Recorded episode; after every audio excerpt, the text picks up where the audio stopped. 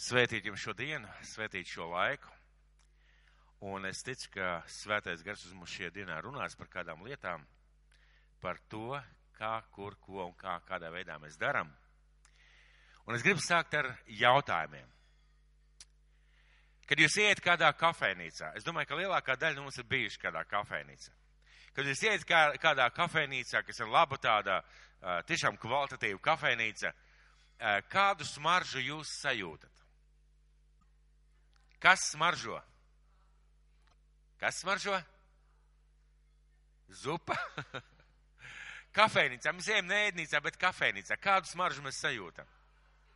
Kafijas smaržu, pareizi? Kafijas smaržu.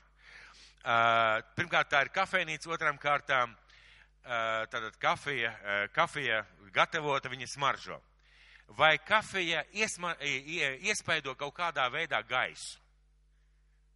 Kafijas smarža iespaido gaisu, pareizi?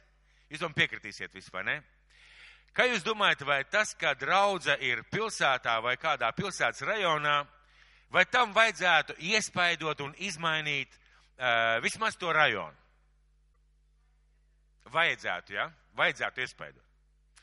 Uh, vai tas, ka tu tici vai ka mēs ticam Jēzum Kristum un e, ejam uz draudzi, vai tam vajadzētu iespaidot manu darba vietu, manu klasi, tos, vai to sabiedrību, kurā es uzturos ikdienā, teiksim, daudz dzīvokļu mājas, trepju telpu, vai transportu reizēm, vai rindu reizēm. Vai tam vajadzētu iespaidot, ka es ticu Jēzum Kristum šo te cilvēkus, kas ir man apkārt? Kā jūs domājat? Vajadzētu iespaidot, pareizi? Vajadzētu iespaidot. Vai Jēzus teica tādus vārdus, lai mēs norobežojamies no ļaunās pasaules? Vai Jēzus teica, norobežojieties no ļaunās pasaules? Kā kādā, kādā brīnišķīgā stāstā ir, kad ir milzīga liela katedrāla, un ņemot vērā, ka draudze ir maziņa, un mācītājs acīm redzot gados un sludina diezgan garlaicīgi, viņš iekšā šajā baznīcā, šajā katedrālē uzbūvējis tādu maziņu baznīcu. Un, kad sanāk kādi 5 vai 15 cilvēki, tā baznīciņa ir pilna, un viņš saka, paldies tev, debes tēvs, ka tu esi piepildījis mūsu nāmu ar cilvēkiem. Vai Jēzus teica, ka mums būtu jānorobežojas no šīs ļaunās pasaules?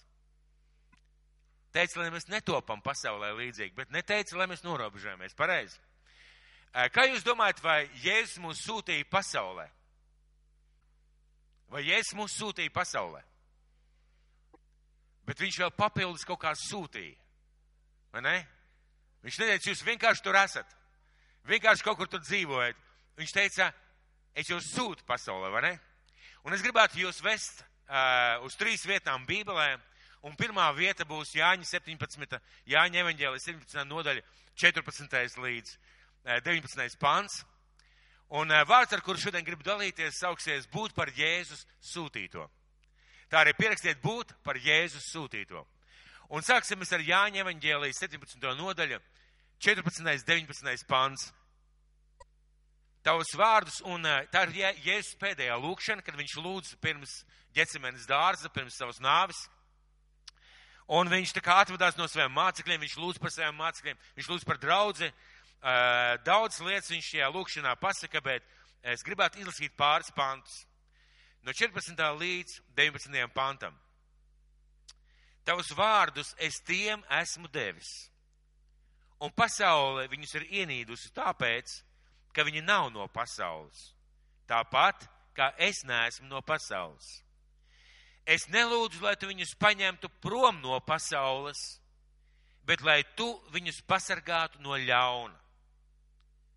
Viņi nav no pasaules, tāpat kā es neesmu no pasaules. Svētītos patiesībā, tavi vārdi ir patiesība. Tāpat kā tu mani esi sūtījis pasaulē, arī es viņus esmu sūtījis pasaulē. Āmen. Kāpēc mēs par to runājam? Mēs ļoti bieži izdzīvojam savu dzīvi, jeb dzīvojam savu dzīvi ar tādu uh, aprobežotas telpas sajūtu. ka mēs esam kristieši, mums ir jānodalās no visas pasaules, jānodalās no visiem cilvēkiem, un ja tu esi seniors, ja tu esi pensijā, ja esi cienījumos gados, tu ir ārkārtīgi vienkārši izdarīt. Nodalīties no pasaules. Ja tu esi jauns cilvēks, ja tu esi biznesā vai skolā, tev ir ļoti grūti nodalīties no pasaules tādā tīri fiziskā veidā, un tad tev ir tāds tā kā diskomforts, tā kā tāda dubultā dzīve. Baznīcā esmu viens, vai izturos vienādi, rīkojos vienādi, ārpus baznīcas darbā, skolā es vai nu klusēju, vai nu visus lamāju par pagāniem. Vai nu man ir konflikts ar, ar, ar cilvēkiem, kā, kā teica viens, viena sieviete, kurai tas bija reāls piedzīvojums, viņa bija kristiete un viņa teica, ka manā darba vietā strādāja viens cits kristietis. Bet viņš tā garīgi bija tādu sienu uzcēlis starp sevi un kolektīvu,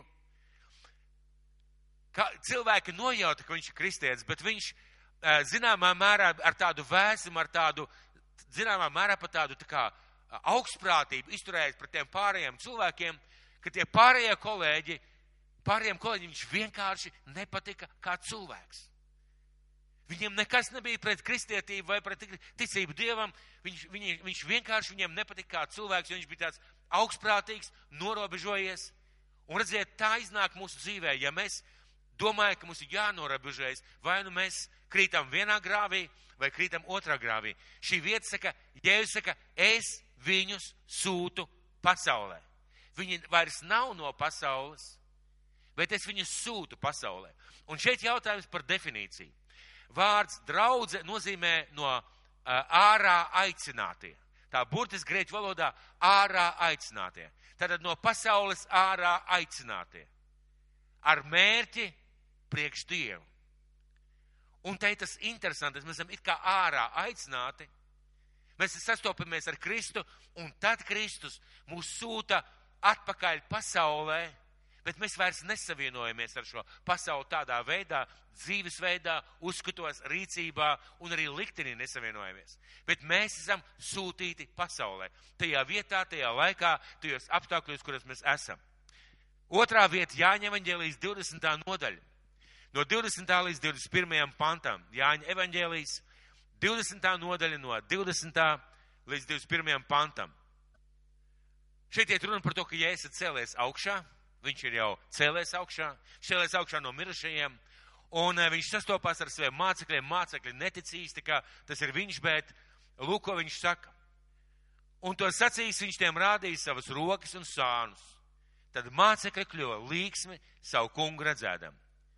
Tad Jēzus vēlreiz viņiem saka, miers ar jums, kā tēvs mani sūtīs, tā es jūs sūtu kā tēvs mani sūtījis, tā es jūs sūtu.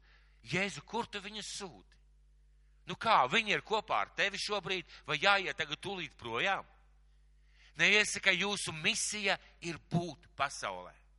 Reizēm mums kristiešiem iznāk tā, kā kādā e, interesantā tādā līdzībā ir teikts, ka e, draudze, jeb kristieši, ir kā laiva jūrā. Un tas ir ļoti normāli. Tā tam jābūt, ka jūrā ir laivas, kurās cilvēki zināmā mērā var izglābties. Un tad kā cilvēki piemetina, bet ir briesmīgi, ja jūra ir laivā. Un tur es jums gribētu piekrist. La, ja, ja, ja, ja, ja laiva ir jūrā, ir fantastiski, bet ja jūra ir laivā, bet ziniet, ja, ja laiva stāv krastā apgāsta, tad ir svētā baznīca. Mēs tā krastā apgāzti guļam un jāapgāž ir obligāti otrādi, lai tas ūdens netiek iekšā. Pat ja viļņi šļācās, lai netiek iekšā. Un tas nav Kristus prāts. Tas nav Dieva nodoms, tas nav Kristus prāts. Un iesim pie trešās vietas, apustuļu darbu grāmata, pirmā nodaļa, astotais pants. Mums visiem ļoti zināms pants, kurā ir runa par svēto garu, par spēku, par svēto garu. Un tā ir vieta, kur Jēzus runā ar saviem apstuļiem, pirms viņš tiek pacelts debesīs. Un sāksim ar, uh, lasīsim ar septīto pānu. Sāksim ar septīto. Un viņi jautā viņam pirms tam, vai tu šajā laikā uzcels debesu valstību, vai tava atnākšana būs šajā laikā, kas būs šajā laikā. Un septītajā pantā viņš tiem atbildēja, nav jūsu daļa zināt laikus vai brīžus, ko tēvs nolicis savā paša varā. Bet jūs dabūsiet spēku, kad svētais gars būs nācis par jums, un būsit mani liecinieki baznīcā. Nu, draudzē, kā Jeruzalemē, tā visā Jūdejā un Samarijā un līdz pašam pasaules galam. Un, ja es saku, var, nesaku, varbūt jūs būsiet, vai jums izdosies, ka jūs būsiet, viņš saka, jūs saņemsiet svēto garu, un jūs būsiet mani liecinieki, un svētais gars būs tas, kas jums dos spēku būt par lieciniekiem. Par lieciniekiem ne tikai ar vārdiem, ar darbiem, ar dzīvi, ar uzvedību, ar rīcību. Kā mēs bieži vien redzam un izdzīvojam savu ticību Kristum. Kādā veidā mēs bieži redzam un izdzīvojam savu ticību Jēzum Kristum. Mēs bieži iekšēji it kā norobežojamies, it, it kā atkaujamies no pasaules, un eh, mēs neesam no pasaules, bet mēs kā atkaujamies no tām situācijām, lietām, mēs kā meklējam to mieru draudzē, baznīcā sevi iekšienē, bet to ārējo, kas nāk no ārpus cilvēkus, situācijas lietas, mēs bieži vien norobežojamies un jūtamies nekomfortabli, vai jūtamies, ka kaut debes tēvs man paņemt uz mājām. Un tad, kad debes tēvs atnāk un pieklauvē pie durvīm, tad debes tēvs ļauj man vēl padzīvot kādu mirklīti. Un tā tad savu ticību un eh, aktivitāti mēs bieži vien koncentrējam uz draudzi. Mēs bieži vien koncentrējam uz draudzi, savu garīgo aktivitāti, kristīgo pārliecību un ticību. Un domājam, tikai baznīcā ir īstā ticība. Un es gribētu jums kaut ko uzzīmēt. Man nav īpaši zīmēšanas talanta, tāpēc piedodiet. Jums tagad būtu jāizdomā, kurš no šiem cilvēciņiem esat jūs. Redziet, skaista bilde iznāca. Ja? Tā ir baznīca, tā ir draudz.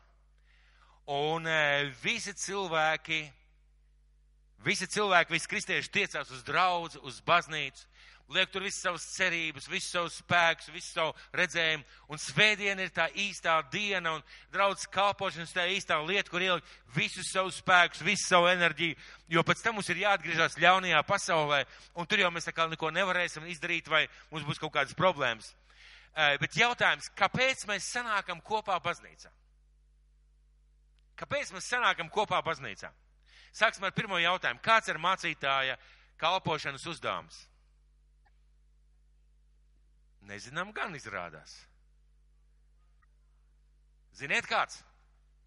Sagatavot svētos kalpošanai. Tad kalpo kas? Mācītājs vai svētie? Kā jūs domājat? Ko saka Bībele? Sagatavot svētos kalpošanai. Pareizi? Un kad mēs sanākam kopā svētdienas dievkalpojumā draudzē, mēs kopīgi slavējam Dievu, mēs kopīgi pielūdzam, mēs klausamies vārdu. Mēs, mēs dalāmies ar kādām liecībām, mēs lūdzam, mēs ziedojam. Tas ir tas, ko mēs darām draudzē, lai pēc tam, mīļā, lai pēc tam kopā kā draudzē dotos ārā. Lai kopā pēc tam kā draudz dotos ārā. Un es gribu uzzīmēt otru zīmējumu. Ziniet, kā tam vajadzētu izskatīties? Šeit es uzzīmēšu tikai četrus cilvēcīs, tur bija vairāk. Lai pēc tam dotos ārā pasaulē. Lai pēc tam dotos ārā uz savu darba vietu. Lai pēc tam dotos ārā uz savu skolu lai pēc tam dotos ārā e, uz savu māju, uz to kāpņu telpu, kurā mēs dzīvojam. Lai pēc tam dotos ārā varbūt uz tām rindām, kurās mēs stāvam, vai ar mašīnu braucam. Ar mašīnu braucot ir ļoti interesanti. E, ļoti daudz ir diezgan nervozi. Mums arī visiem gadās būt ļoti nervoziem. Un īstenībā pa ceļu braucot ir diezgan labs tests, kas tevi ir iekšā. It sevišķi, ja ir sastrēgumi, ja ir kāds korķis vai kāds tev priekšā brauc diezgan tā haotiski, diezgan labs tests. Bet, redziet, mēs kopā esam sanākuši pielūguši, slavējuši Dievu, lai pēc tam dotos ārā, kā Jēzus teica, lai dotos ārā. Lai dotos ārā. Un mūsu tai, tai, tam, tai filozofijai, saprašanai būtu jābūt šādai. Protams, ir otrs grāvis, kas ir tikpat briesmīgs un slikts. Ziniet kāds? Es kalpoju savā darba vietā, es parādu Kristu savā, savā kolektīvā, es parādu Kristu mājās, es parādu Kristu uh, savā, es nezinu, veikalā, uh, saviem draugiem, savai sabiedrībai, bet baznīcā es atnāku. Kalpojiet man, sludiniet, māciet, aprūpējiet, parūpējieties par mani. Un tā nav pareiza kristietība, ja draudzē ir grāmatvedis, un draudzē nav kas taisa grāmatvedības papīrus. Tā nav kristietība, ja draudzē ir celtniecības meistari un, piemēram, sienām krīt no apmetums. Tā nav kristietība, ja draudzē ir IT speciālisti, jeb, teiksim, e, datoru speciālisti, un nav kas uztaisa programmas kaut kādas. Nav kas kaut kādā veidā parāda prezentācijas vēl ko. Tā nav par, arī pareiza situācija. Mums ir jākalpo draudzē, mums, jo Bībele saka, ka mēs esam Kristus miesa, rokas, kājas, ausis, deguns, nieres, īkšķis, rādītāja pirksts. Āmen! Un kāds var kalpot ar savu dāvanu. Bet, kad mēs izējām ārā, mums tur ir jābūt arī par Kristus lieciniekiem, tā kā tā arī Bībele teica. Ir šie divi grāvi. Un šis ir pirmais grāvis, pilnīgi viennozīmīgi. Jo Kristus teica, ejiet, sludiniet un māciet. Un uh, es gribētu palūgt uzlikt mums uz ekrāna nākošās nedēļas kalendāru. Nākošās nedēļas kalendāru lūdzu. Otradien, trešdien, ceturtdien, nākušā nedēļa ir augšējā. Ja? Skatieties, otrdien mums ir lūkšana vakars. No septiņiem līdz deviņiem. No pusseptiņiem līdz kaut kur deviņiem. Diva pusstundas. Diva pusstundas. Trešdien mums ir mājas grupa. Divas stundas apmēram. Svētdien mums ir dievkalpojums nu, teiksim, trīs stundas ar visu cienāšanos. Lielāko daļu laika, kur mēs pavadām. Brāl, tev ir vilšanās. Paskaties uz kalendāru.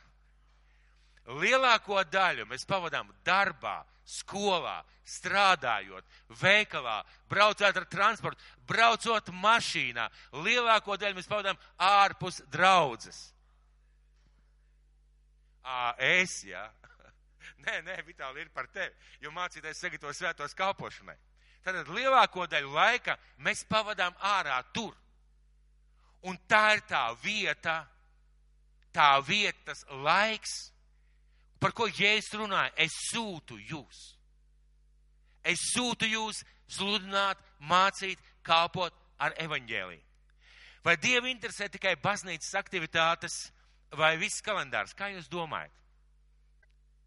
Vai Dievu interesē tikai baznīcas aktivitātes vai arī tavs kalendārs, viss pārējais kalendārs? Viss kalendārs, pareizi? Viss kalendārs, Dievu interesē viss kalendārs. Uh, un, uh, protams, ka Dievu interesē visa mūsu dzīve. Un tas, tas, ko Jēzus teica, es jūs sūtu, es jūs šūtu šajā pasaulē. Tad kur mums vajadzētu atnest, ja tā varētu teikt, vislielāko iespaidu? Kurā vietā vajadzētu atstāt vislielāko iespaidu? Runāsim, piemēram, par darbu. Mēs katru dienu astoņas stundas strādājam. Pa, pa, pacelsim varbūt rokas, kas šeit, šeit strādā katru dienu astoņas stundas. Nu, droši, droši varam celt. Lielākā daļa, pareizi? Daži nokautrējās. Tad jā, jājautā, kur jums vajadzētu lielāko ja tā varētu teikt, atstāt iespaidu. Baznīcā, kur jūs pavadat, teiksim, kopā, nu, teiksim, 7, 8 stundas nedēļā, vai savā darba vietā. Kā jūs domājat? Visur, pareizi, kur mēs esam, savā darba vietā. Kāpēc mums bieži vien ir tā? Es gribu jums parādīt kādu interesantu, interesantu slaidu. Lūdzu. Paskatieties uz sejām. Un katru dienu ir sava seja. Pirmdiena ir šausmīgi bēdīga, jo ir jāiet uz darbu. Otradien ir nelaimīga. Trešdien nelaime turpinās. Ceturtdien ir asaras. Piektdien nāk miegs. Sestdienas rītā ir pilnīga laime, jo ir sestdiena. Svētdien tas ir pilns enerģijas. Un svētdienas vakarā ir atkal izmisums jo sākās tava darba dzīve un nedēļa. Bet tā nevajadzētu būt pareizi. Tā nevajadzētu būt Dievu bērniem, Tā nevajadzētu būt. Un Dievs vēlas caur mums izplatīt, atklāsim par Dievu. Dievs vēlās caur mani, caur tavu dzīvi izplatīt, atklāsim par Dievu. Kādā veidā viņš to var izdarīt? Kādā veidā viņš to vēlās darīt? Ar vārdiem, protams, ar vārdiem, bet bieži nedrīkst runāt. Kā tad? Bieži vien mēs nevaram stāstīt nepārtraukti par Dievu. Bieži vien mēs nevaram vilkt ārā bībeli, jo, piemēram, ja tu špaktelē sienu, vai krāso sienu, vai labo, vai strādā pie datora, tu nevari, tu nevari vienkārši vilkt ārā bībeli un uh, runāt ar kolēģiem. Ir kaut kas jādara caur mūsu attieksmi. Dievs vēlās nest pasaulē atklāsmi par Dievu caur mūsu attieksmi, caur mūsu darba kvalitāti caur mūsu zināšanām, caur tiem darbiem, kurus mēs darām, un caur vārdiem, kas nav tikai par Dievu. Arī ar visiem pārējiem vārdiem. Kad runā ar kolēģiem, kad tu sasveicinies ar viņiem, kad tu pārunā darba lietas. Dievs vēlās, lai mūsu dzīve būtu liecība. Atcerieties, ja es, ja es teicu, jūs saņemsiet svēto garu un būsiet mani liecinieki. Jeruzalemē, Samarijā e, un līdz pašam pasaules galam. Kādā veidā? Ar visām tām lietām, kas nav tikai Dieva vārda vai sludināšana. Ar visām lietām, un, piemēram, attieksme ir izcils rādītājs. Izcils rādītājs, kas mēs esam, kam mēs piedaram un kam mēs kalpojam. Tieši attieksme darbā, darba kvalitāte, attieksme pret cilvēkiem ir tā, kas liek cilvēkiem uzdot jautājumu. Un tas nav, tas nav stāsts vai tā nav pasaka, tā ir patiesība. Ka tieši šīs lietas, kā mēs dzīvojam, kā mēs strādājam, kā mēs rīkojamies, kā mēs izturamies grūtos brīžos vai sarežģītos brīžos darbā, liek cilvēkiem uzdot jautājumu, kas šajā cilvēkā ir savādāks. Bet ziniet, kad mēs spējam kļūt šādā, šādā veidā sākt dzīvot, kad mēs saprotam, ka Kristus ir mūs sūtījis pasaulē kā liecība šai pasaulē. Kā liecība, kā gaisma šai pasaulē. Un es gribu jūs vest uz uh, Mateja evaņģēliju. Mateja evaņģēlijas 5. nodaļa, 13. un 16. pāns. Mateja evaņģēlijas 5. nodaļa, 13. un 16. pāns. Mateja evaņģēlijas ir kalna svētruna. Un šajā 13. 13. 16. pantā Jēzus pasaka kaut ko ļoti svarīgu. Un no 1. līdz 12. ir runa par svētībām, par dažādām svētībām. Un sākot no 13. panta, Jēzus runā, turpina šo, šo vārdu, bet runā par kādām interesantām lietām. Viņš saka tā, jūs esat zemes sāls. Bet, ja sāls nederīga, ar ko tas sālīs? Tā nedara vairs nekam, kā vien ārā izmetama un ļaudīm saminam. Jūs esat pasaules gaisma. Pilsēta, kas stāv kalnā, nevar būt apslēpta. Sveci iededzinājis, neviens to neliek zem pūra, bet lukturī, tad tā spīd visiem, kas ir namā. Tāpat, lai jūsu gaisma spīd ļaužu priekšā, ka tie ierauga jūsu labos darbus un godā jūsu tēvu, kas ir debesīs. Un pamēģināsim vēlreiz iziet cauri šiem pantiem.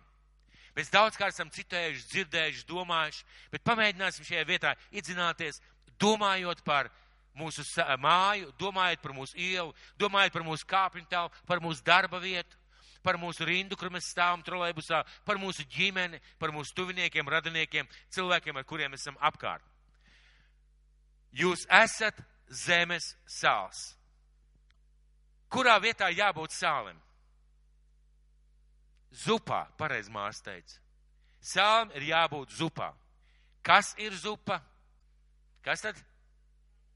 Ēdiens, jā. Ja? Bet eh, garīgi, kas ir zupa, kurā jābūt sālim? Pasaule.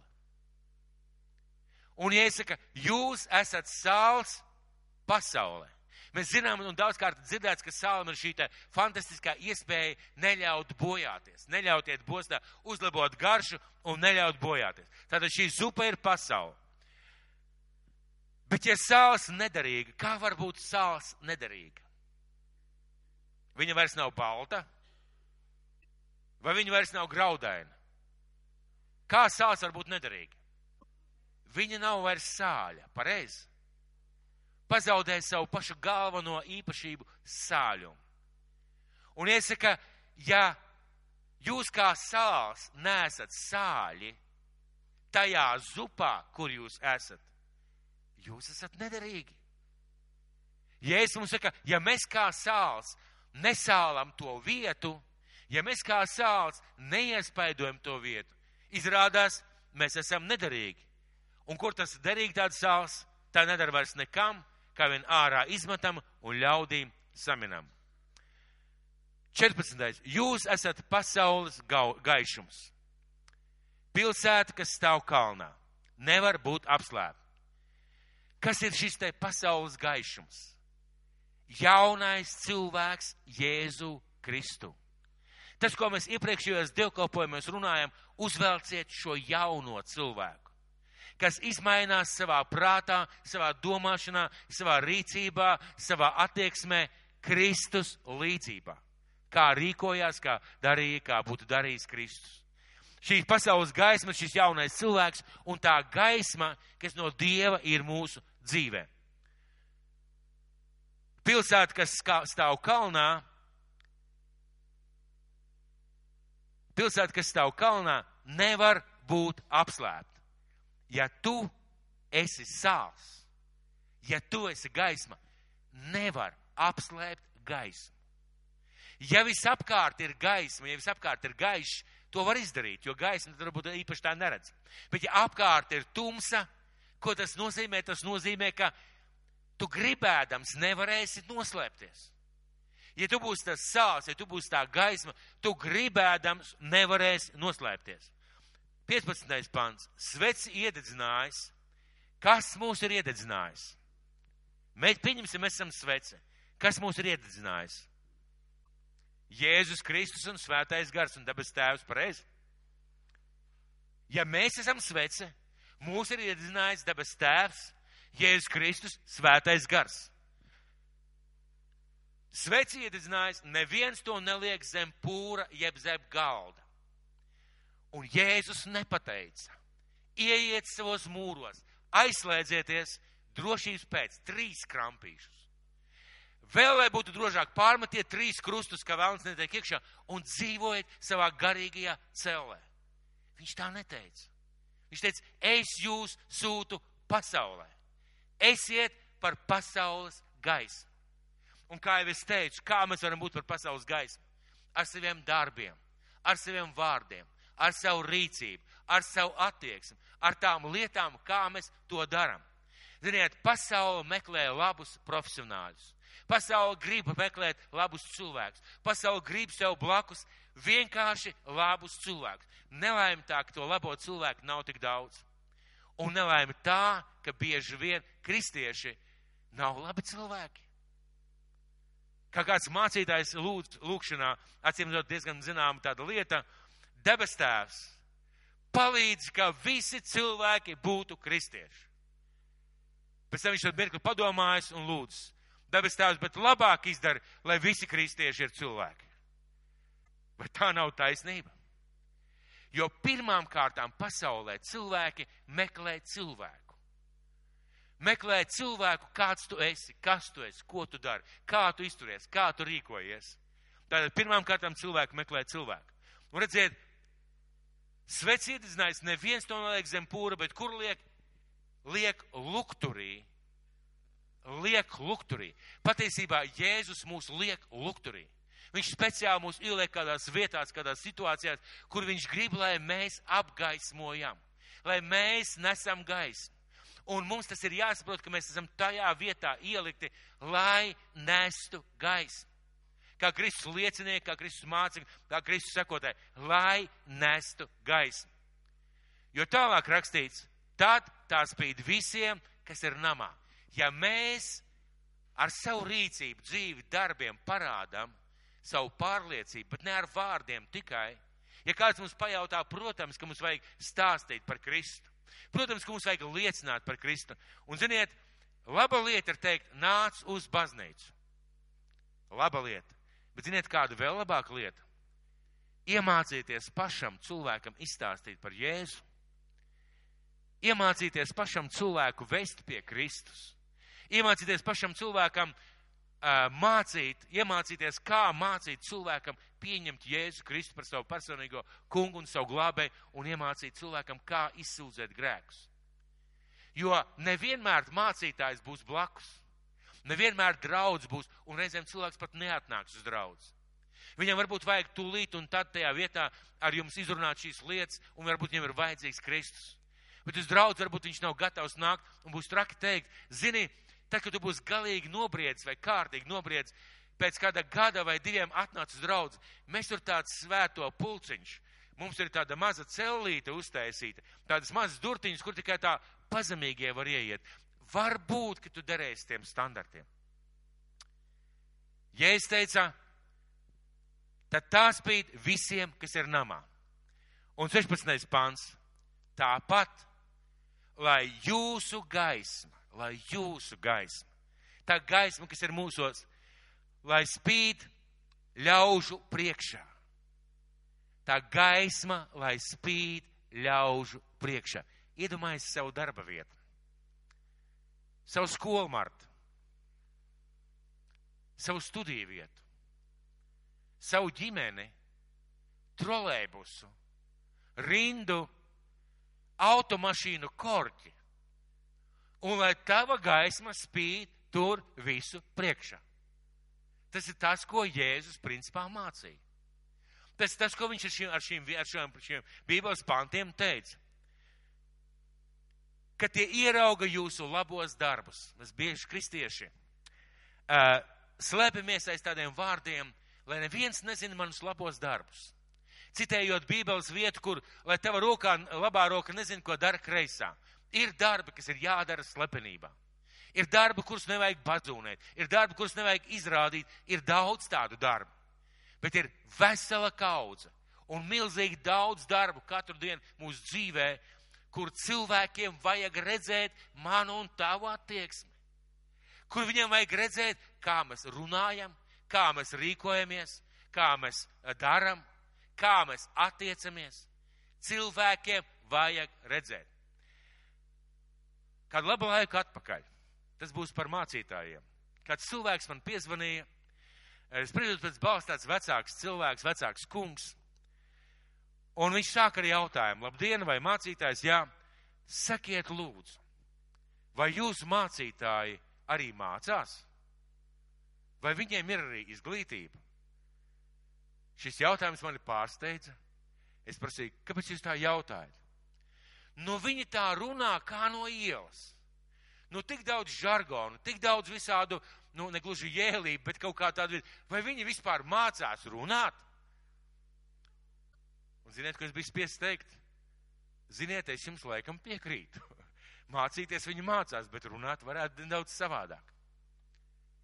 Protams, es neizturēju, un es teicu, ziniet, bet man atkal īsti nepatīk, kad mācītājs tik labi, pareizi, perfekti nostādītā tonī runā, ka zālē visi var aizmigt, un tonis ne paceļās, ne pazeminās, un mācītājs tik svēts, tik taisns, tik pareizs, un tonis nemainās pusotru stundu vai stundu, ka zālē puse jau guļ un bez dzīvības. Es teicu, man tas arī nepatīk. Redziet, ir vajadzīgas lietas. Piemēram, par attieksmi darbā. Es drīkst, es minēšu vēl kādu piemēru. Kā jūs savā darba vietā strādājat? Vai, jū, vai mēs šodien varētu pateikt, esmu izcils darbinieks vai kaut vai labs darbinieks savā darba vietā? Mēs tagad parādīsim pazemību un teiksim, nu nē, nu, nu ko nu, vai ne? Sakiet, lūdzu, kad jūs ejat, kad jūs, eh, kad jūs eh, guļat uz operācijas galda, un eh, jums taisīs, pieņemsim, kaut kur vēdera domā vai nedod Dievs sirdī operāciju, un jūs uzzināt, ka jūsu ķirurgs ir kristietis, jūs sirds sāk gavelēt, jūs jūties drošās rokās, un ķirurgs ir tas, kurš aizlūdz beigās par jums un kopā ar jums. Fantastiski sajūta. Bet ziniet, ķirurga lūkšana nav pēdējais, ko jūs gribētu dzirdēt. Jūs gribētu vēl kaut ko dzirdēt pēc operācijas. Jo, ja ķirurgs tikai par jums aizlūdz un pēc tam salaida visu grīstē, un jūs aizgājāt mūžībā, tas nav tas, ko jūs gaidat no sava ķirurga, pareizi? Tas nozīmē, ka arī savā darbā mums ir jācenšas būt labiem speciālistiem, ar pareizu attieksmi, ar pareizām lietām. Tātad tāpat, lai jūsu gaisma spīd ļaužu priekšā, ka tie ierauga jūsu labos darbus un uh, ka tie godā jūsu tēvu, kas ir debesīs. Kurā vietā ierauga labos darbus? Darbā, skolā, biznesā, trepju telpā, rindā, automašīnā, transportā, savā ģimenē un redzot jūsu labos darbus. Viņi godā jūsu tēvu, kas ir debesīs.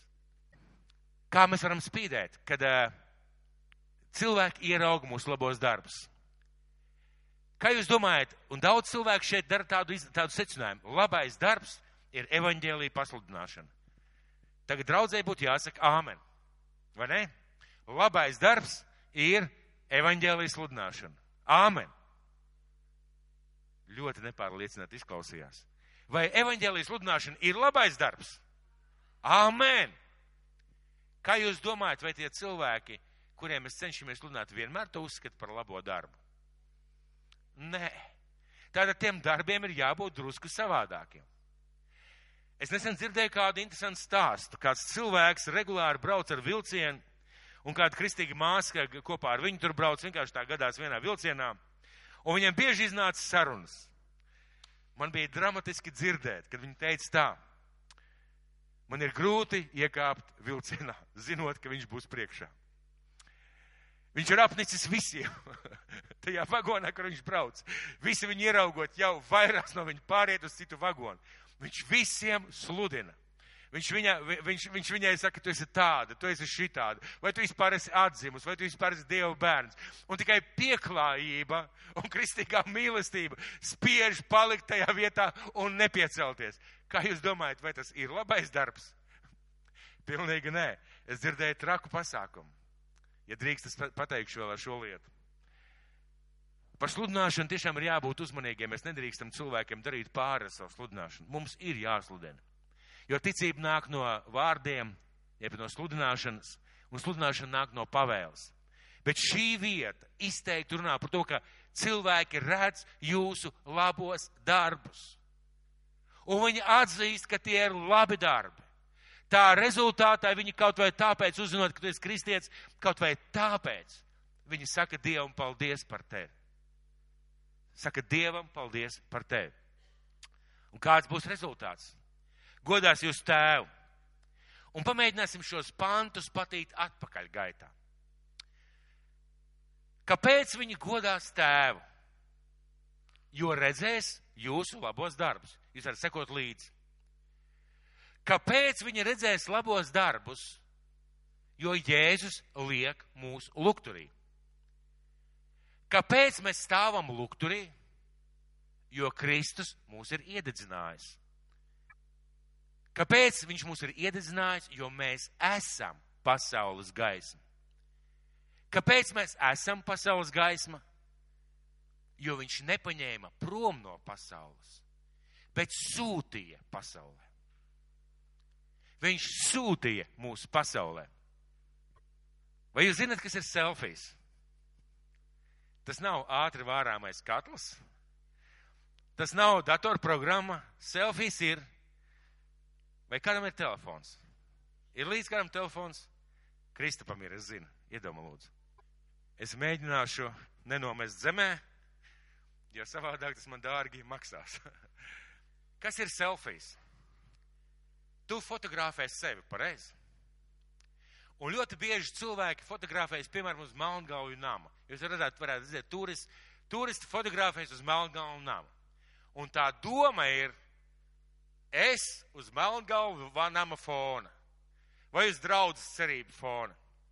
Un mūsu ticība Dievam ir līdzīga ar selfiju. Redziet, kad mēs sevi nofotografējam, ja es tagad sevi šeit nofotografētu, ziniet, kas būtu fonā?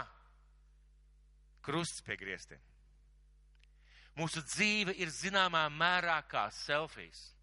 Mēs sevi nofotografējam un, zināmā mērā, parādām cilvēkiem, bet cilvēki skatās reizē mums, gar, skatās uz mums un skatās arī garām. Kas ir aiz mums? Vai viņi redz Jēzu aiz mums, vai viņi redz Jēzu mūsos? Viņi redz mūsu, vai viņi redz Jēzu mūsos. Un tas ir tas, par ko Jēzus šeit runāja. Labie darbi, pareizi attieksme, pareizi rīcība, jo Kristus mūs ir sūtījis. Vislabāk būtu, ja nevis es, nezinu, ka priekšplānā esam mēs un bieži tā gadās, bet cilvēka redz, kas ir aiz mums. Un tas ir tas, par ko Jēzus teica, es sūtu jūs pasaulē. Mīļie, tas ir tas, kad mēs sanākam kopā. Mēs šeit mācāmies, veidojamies, klausamies vārdu, dziedam, pagodinam, dažādas aktivitātes, semināri, eh, mācības, sadraudzība. Un caur to visu Kristu mums vajadzētu veidot, lai mēs pēc tam ietu ārā. Lai pēc, pēc tam iet ārā. Lūksim Dievu par, par mūsu darbu, par mūsu ģimenēm un par mūsu re, skolām, kurās mēs esat, esam.